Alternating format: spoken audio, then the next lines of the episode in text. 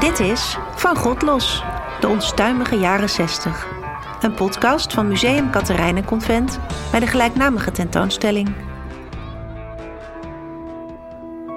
Wat maakt geschiedenis? Zijn het de historische namen of de gezichtsloze massa's? De grote ideeën of de kleine details?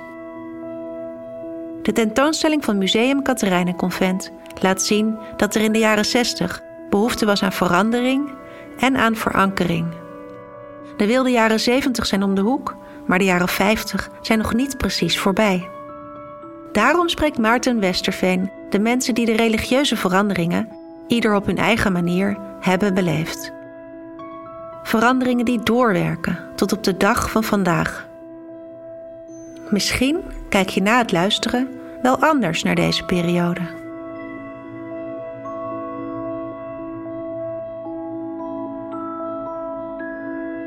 De jaren 60 waren, zo staat het in elk geval in de boekjes, een tijd van emancipatie. Vrouwen, jongeren, zelfs homo's en lesbiennes verwierven vrijheden die nog niet lang daarvoor onbespreekbaar waren. Studeren, relaties, carrières. Werelden leken zich te openen. Emanciperen is makkelijk gezegd. Maar hoe wordt het gedaan? Nou, dat onderzoeken we in deze aflevering waarin we spreken met drie mensen die elk hun eigen leven proberen vorm te geven. Soms zelfs zonder dat ze zich daarvan bewust zijn. Ik spreek met Siet Delhaas, Dirk Koens en Gea Zelstra. We beginnen bij Siet Delhaas. Ze heeft me verwelkomd in een knus appartement gevuld met boeken. De erfenis van een leven lang met de letteren geleefd. Daar zag het allerminst naar uit in 1960. Ik, ben, heb tot mijn uh, huwelijk in uh, Rotterdam gewoond. Dus echt in de grote stad. Met, uh, ik zat daar op kantoor en dergelijke. En toen ben ik getrouwd met iemand die in Duitsland ging werken. En uh, dus van een groot gezin met acht kinderen ineens helemaal in mijn eentje. Want die kwam niet iedere dag uh, thuis. Want het was met de treinverbinding was het nog helemaal niet zo goed. Nou, dat was nog echt na oorlogs Duitsland. En uh, ik, heb, ik werkte daar bij een grote vervoersbedrijf. Was ik secretaresse van de directeur. Dus dat werk vond ik heel leuk. Het was ook echt mijn wens om dat te worden. Eigenlijk lag, ging er nog aan, een wens aan vooraf. Maar ik dacht, nou, dat wordt niks als ik kinderen wil hebben. Ja, dat was journalistiek. Dus, uh, en daar was toen nog niet, ik geloof in Nijmegen een opleiding voor. Nou, dat was vanuit Rotterdam. Was binnen ons gezin was dat echt niet haalbaar. Dat je als meisje dus in, in Nijmegen ging studeren. Het soort ouderlijke zorgen van Siet waren nog niet aan Dirk Koens besteed. Die was druk aan het puberen binnen de marges van een streng omlijnd vrijgemaakt gereformeerd leven. En het was zo sterk omlijnd om verdere integratie met een zonnige wereld te beperken. In Dirks gezin was daar een tem voor. Niet als de wereld gelijkvormig worden. Dat mocht, nee, nee, je moest wel uh, een afstraling zijn van het, uh, het nest waar je uitkwam, laat ik het zo zeggen. Je ging niet mee met de massa. Uh, nogmaals, bioscoopbezoek, uh, voetbalbezoek, betaald voetbal hè, voor kaartjes, uh, zwemmen op zondag. sommigen in onze kerk, ja, dat was het not om, om te fietsen. dan ging je fietsen, nou ja, dan ging, de, wereld die om je heen, die deden die dingen allemaal. En de zondag was echt de zondagrust en dan moest afstralen op je gedrag en dat soort dingen. Je zat nog steeds in diezelfde bubbel met diezelfde mensen uit dezelfde kerk. Je, zat op de gereformeerde school. Dus je zat echt in, die, in, die, in dit wereldje. Dat werd alleen wat later als uh, wat anders dan toen je op de ambasschool terecht kwam. Dan kwam je toch ook wel jongens tegen. En ja, die dachten over dingen toch weer anders. En ook mensen die, uh, ook, uh, die niet naar de kerk gingen, die waren dan ook leerlingen op die school. Ja, dan nam je toch wel geleidelijk aan van die dingen over van ja, is het allemaal wel zo wat, wat ons geleerd is? Kun je dingen niet anders bekijken? Maar dat, dat, dat ontwikkelt zichzelf. Ik was een lastig ventje. mijn ouders hebben het niet makkelijk met me gehad. Altijd tegen de draad in. Uh, hekel aan, de, aan kerkbezoek. Ja, preken, eh, ontiegelijk de vakjes in, de, in het plafond tellen. Ehm, ja, uh, ik denk dat mijn vader en moeder eh, echt toch wel veel uh, zorgen om me gehad hebben. Jawel. Ik stiekem naar de bioscoop, stiekem naar het voetballen toe. En als je maar niet verraden werd, dan kreeg je wel nog op je donder. Dat is, ja, daar stond de, als ware de, de, de lijfstraffen, die werden uitgevoerd. Tot slot ga ik langs bij Gea Zijlstra, al sinds 1972 verbonden aan de faculteit Geologie van de Universiteit Utrecht. Die positie is haar zeker niet aankomen waaien. Halverwege de jaren 60 eh, heb ik mijn HBS-diploma gehaald. Dat was al heel veel, dat was heel uitzonderlijk. Eerst heb ik een MULO gedaan en ik was in het de eerste meisje wat de MULO deed. HBS was al heel vreemd. En toen was er een neef van mij die idee gaf wat ik zou kunnen gaan doen, want ik had zelf geen enkel idee. Alles wat ik wist wat een meisje zou kunnen doen, zag ik niet zitten.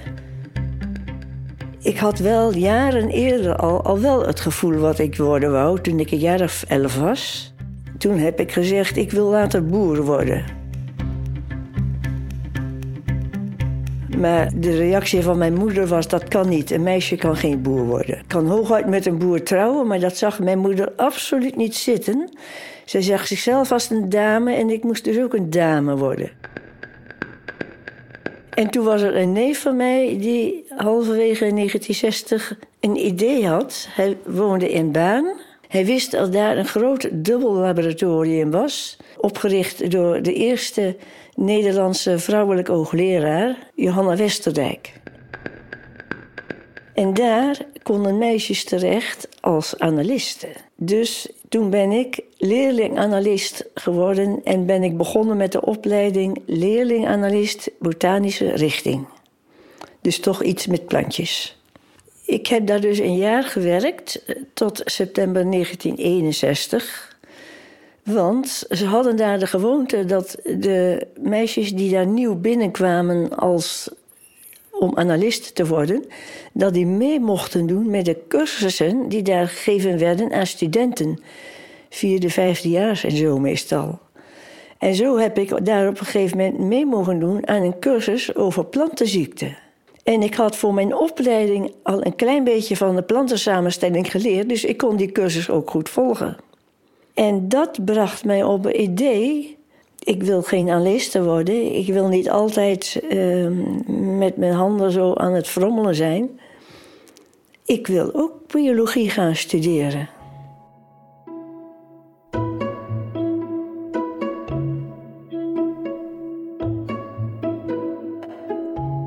Siet schopt het in de jaren 70 tot een succesvol journaliste, die uiteindelijk een gerenommeerde stem in de feministische theologie zou worden. Een theologie die ruimte maakte voor een groep die tot dan toe eigenlijk gemarginaliseerd was. Daar zag het er, midden jaren 60, diep in de provincie met een huis vol kinderen, zeker niet naar uit.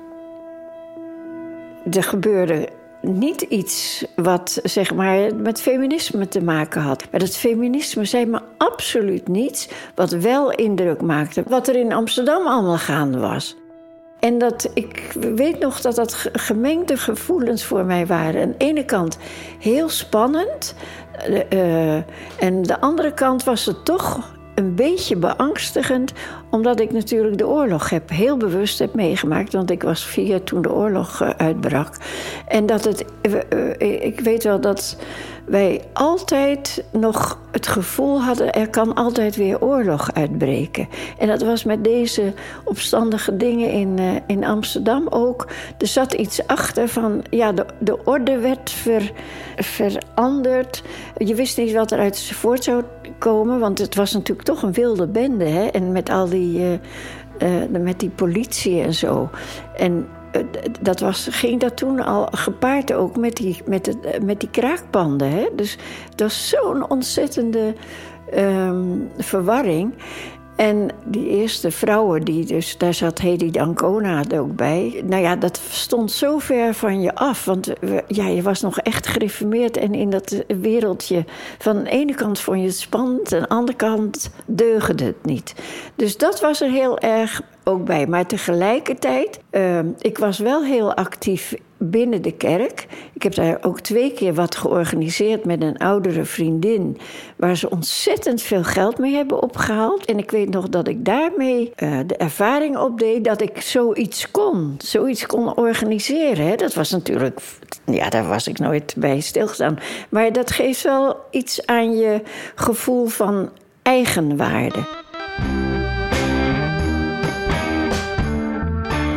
Ook voor Dirk leek de vrijgemaakt gereformeerde bubbel zijn lot.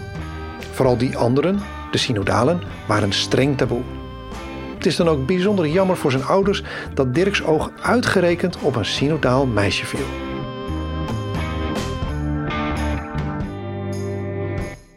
Mooie meid. Uh, het was uh, douchen. Uh, we hadden thuis geen douche. Zij, bij hun ook niet. En dat was dan hier een, overdekt zwembad. Een sportfondsbad noemen ze dat. En dan kon je voor een dubbeltje douchen. Dan kreeg je ondergoed mee van moe. En nou, dan ging je daar naartoe. En dan zat je op de bankjes aan het wachten. Totdat je aan de beurt was. Douchen was afgelopen. En ik hoorde in de vet al een meisjesstem. En ik kom naar buiten en dan zie er eentje lopen, man. Mag het niet zeggen, maar een mooie meid in een mooie rode jas. En nou, daar ben ik s'avonds naartoe gegaan. We kregen een verkering. En dat was in februari. En uh, ik ben helemaal gek van die meid. En, maar ja, toen kwam het. Ja, ja, ja, ja. Je was laat thuis. Ja, daar, daar geweest. En, uh, oh, ja, een meisje? Ja, ik heb een meisje. Ja, oh, van de Karken? Zo ging dat, van de Karken. Nee, dit is een synodaal. Wat verdorie, mijn vader. Is er nog geen mooie meid bij ons in de Karken? Moet het nou door nog zoeken? In februari uh, kennis met elkaar en uh, in november met elkaar getrouwd. dat ging verdomd snel.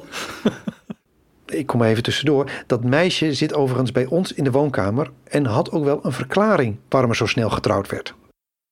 Ja, je bent altijd. Uh, je hebt zorgen dat je zwanger bent, want dat heb je in de gaten. Je bent over tijd. En dat zeg je tegen hem. En dat, oh, dat kan allemaal nog wel meevallen. Maar het valt dus niet meer mee. En dan kom je het. Het is echt zo. Dan word je door je moeder naar de dokter gestuurd. Want het is van. Oh, je bent al heel lang niet, niet ongesteld geweest valt me nog mee dat ze erachter gekomen is. Want hij had een gezin met zes meiden. Dus dat viel, viel toch nog op dat... Uh, nou ja, ik was dan de oudste, dus we waren allemaal nog niet zo ver. Maar het viel haar dan toch op dat ik dat niet geweest was. En uh, ja, en toen uh, kwam ze naar mij toe en... Ja, dan komt het eruit en, en dan moet je het ook wel verder vertellen. Ja, je durft het eigenlijk niet te zeggen. Aan de andere kant ben je blij dat, het, dat, dat ze erachter is gekomen dat je er zelf niet mee hoeft te komen dat uh, ja, het moet toch gezegd worden, want het gaat niet over. Tenminste, uh, in dit geval niet. Dus ik ben met mijn schoonvader samen naar mijn ouders gereden. En toen is het verhaal verteld. En ik weet echt niet meer wat toen de reactie was. Misschien wel helemaal te neergeslagen. Ik weet het niet meer. Echt niet. Ik, nee. Er weinig gesproken.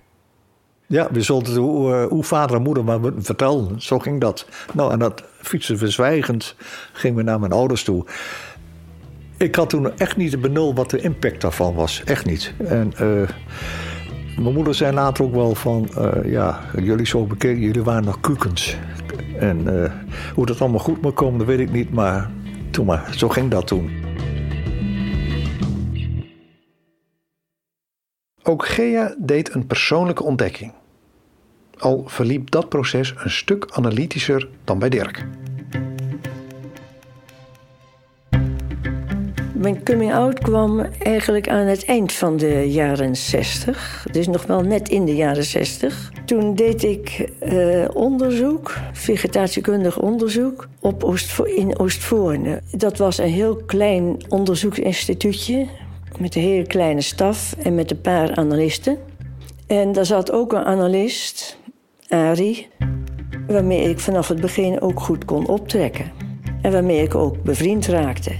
En toen was hij jarig en toen nodigde hij ons allemaal van dat instituut, want het was maar een kleine groep, nodigde hij uit om bij hem thuis de verjaardag te komen vieren. En toen ik daar aanbelde, viel het me op wel dat er bij de bel twee namen vermeld waren. En toen ik binnen was, er waren al een paar van mijn collega's ook, toen werd ik voorgesteld aan Rob. En later op die avond had ik in de gaten dat Rob ook wist waar de kopjes en de glazen stonden. En ook hielp om de mensen allemaal van alles en nog wat te geven. En toen ik naar huis ging, aan het eind van die avond, realiseerde ik me van ja, Rob, dat is dus die tweede die op die deur vermeld stond. En toen was mijn conclusie: dit, is, dit zijn een paar homo's. En toen heb ik de, de dag daarna daar wat over, meer over nalopen denken. Dus Arie is homo. Kan ik dan nog wel bevriend met hem blijven? Maar toen was al heel snel mijn conclusie: ja, waarom niet? Hij, hij vindt ook dat het kan, dus het kan. En in de daaropvolgende paar dagen ging ik nadenken over mijzelf. Ik heb altijd gezegd, ik blijf altijd zelfstandig. Maar ja, misschien is dat toch niet zo. En toen realiseerde ik me dat bepaalde, ja, zeg maar abnormale, speciale gevoelens die ik soms voor een leuke vrouw voelde, dat ik daar een etiketje verliefd op kon plakken. En dat ik dus ook homoseksueel was. Dit heeft mij dus tot eh, inzicht gebracht. En toen ik dat eenmaal in de gaten had, was al heel snel mijn conclusie van nou, dan ga ik er ook werk van maken.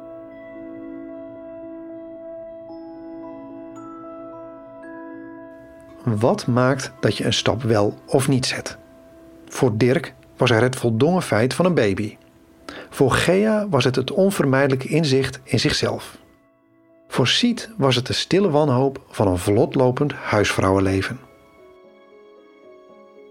Toen had ik dat beeld voor ogen van: oh jee, straks gaat mijn dochter naar de kleuterschool. En dan, kan, dan zit ik hier met, over, met, met, met een handen in mijn schoot. En, eh, en toen ben ik die uh, journalistieke opleiding gaan doen.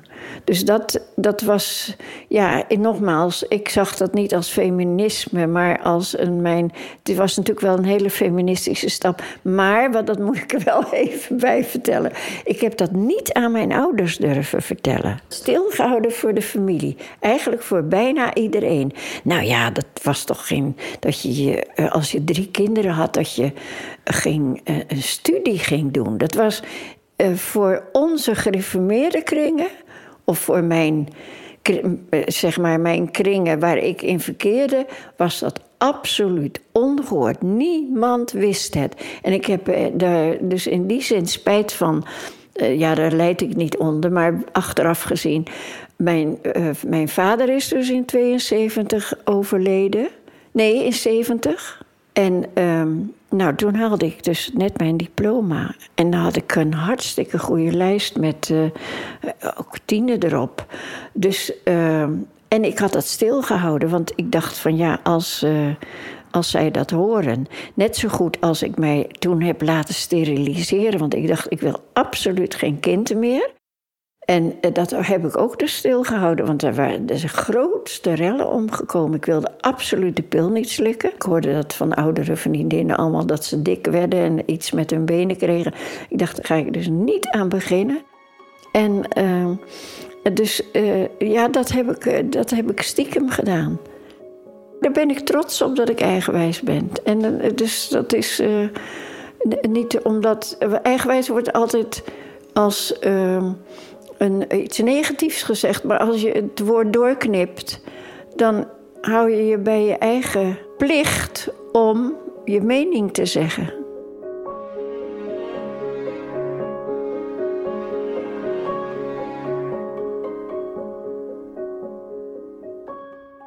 Voor de ouders en schoonouders van Dirk was een onechtelijk kind één ding. Maar dat het ook nog eens met een buitenkerkelijke verwekt was, was misschien nog wel erger. Er moest voor het aanstaande ouderpaar een keuze gemaakt worden. Achteraf denk ik, hoe heb ik het allemaal kunnen beleven? Maar uh, we hadden geen beleidenis gedaan met z'n tweeën. We moesten, zijn met Bol Beuken moesten nog beleidenis doen, want anders mocht je niet naar het avondmaal. En ja, in die riddel ging je nog steeds mee. De ouders bepaalden nog steeds op dat vlak alles. En dat, dat is. Uh, ik was niet die vrijheid wat, wat anderen hadden uh, in, in die geest van. Uh, zoals Amsterdam, rellen en dat soort dingen. Nee, we gingen nog steeds in het trouwe, Calvinistische, gingen we mee. Echt. toen moest de keuze gemaakt worden: word, word ik nu synodaal of wordt Joke vrijgemaakt? En er is een koehandel geweest. En ik denk dat het op het vlak is geweest, ik zeg het maar heel eerlijk, dat van ja, uh, dat mijn schoonmoeder gezegd had. Uh, ja, die, die heeft waarschijnlijk gezegd van... ho, ho, ho, ho, vader Koens, mijn vader dus... je kunt nog wel denken dat Joke vrijgemaakt wordt... maar jouw zoon heeft onze dochter wel zwanger gemaakt. Dus op dat manier is er, is er een koehandel gepleegd. Dus ik werd gewoon synodaal. Ik lag daar ook niet wakker van. Alleen in die tijd was het wel zo dat je geweldig nagewezen werd als je trouwen moest. Dus uh, ook bij ons in de gemeenschap. Ja. We, hebben die tijd gehad dat we ook nog voor het front van de, van de, van de kerk... dat we ook nog schuldbeleiding moesten doen. We kregen wel ouderlingen op bezoek... Uh, van de kerk. En, uh, maar ik weet van mensen die dan ouder waren als mij, die ook trouwen moesten, maar dan moesten voor de volle gemeenschap en het, voor het front schuldbeleidnis doen.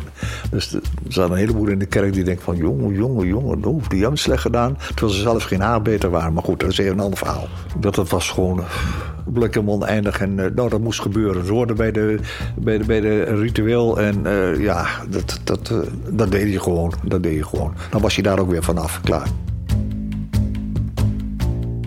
Alle drie mijn gasten stonden voor de keus. Hoe vertel ik het mijn ouders? Dirk onderging het gelaten terwijl Siet haar mond hield om verder drama te voorkomen. Heeft Gea ooit overwogen haar ouders wel over haar geaardheid te vertellen? Nee, absoluut niet. En ik heb twee zussen en een broer. Ik ben de oudste, die zitten allemaal onder me dus. En ik weet niet hoe, maar op de een of andere manier heeft een van mijn twee zussen ooit uh, van iemand vernomen dat ik lesbisch ben. En zij was toen al vertrokken uit de vrijgemaakte kerk en ze was al bij een Pinkstergemeente terechtgekomen. En ze woonde toen in Zwijndrecht en ze stuurde mij toen een brief dat ze had begrepen uh, hoe ik nu leefde, uh, waar ik nu naartoe ging, wat ik wilde. En ze wist in kerk in Utrecht waar ze mij kon bekeren om weer gewoon te gaan leven. Nou, dat gaf. De band met die zus was al minimaal en het werd toen nog veel minder. In die tijd was de band met mijn ouders al een stuk minder geworden. Doordat ik halverwege de jaren 60, naar aanleiding van de oorlog in Vietnam, pacifist was geworden. En op een gegeven moment ook bij de PSP terecht was gekomen. En daar ook actief ben geworden in het dagelijks bestuur van de afdeling Utrecht. En dat was iets wat mijn ouders absoluut niets van begrepen. Dat kon niet, vonden zij. Zij zagen eh, de PSP, dus pacifistisch en socialistisch, zagen ze als iets wat nog erger, nog slechter was dan de CPN, de Communistische Partij Nederland. Want zij gingen ervan uit, communisten zijn atheïstisch. En daar zijn ze ook heel duidelijk over. Dus ze snapten er helemaal niets van en ze wilden er ook niets van weten.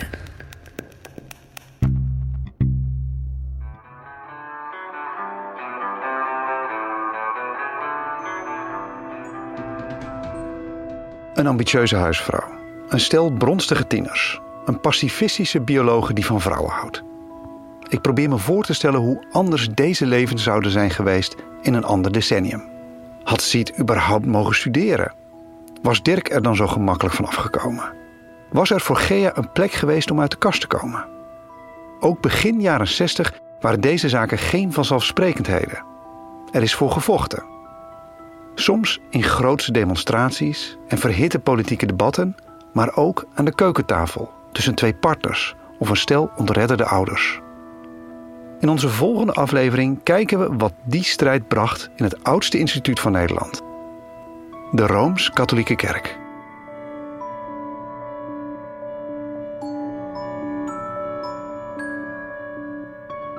Deze podcast is ontwikkeld bij de gelijknamige tentoonstelling Van Godlos, de onstuimige jaren 60. Een productie van Studio Popcorn in opdracht van Museum Convent.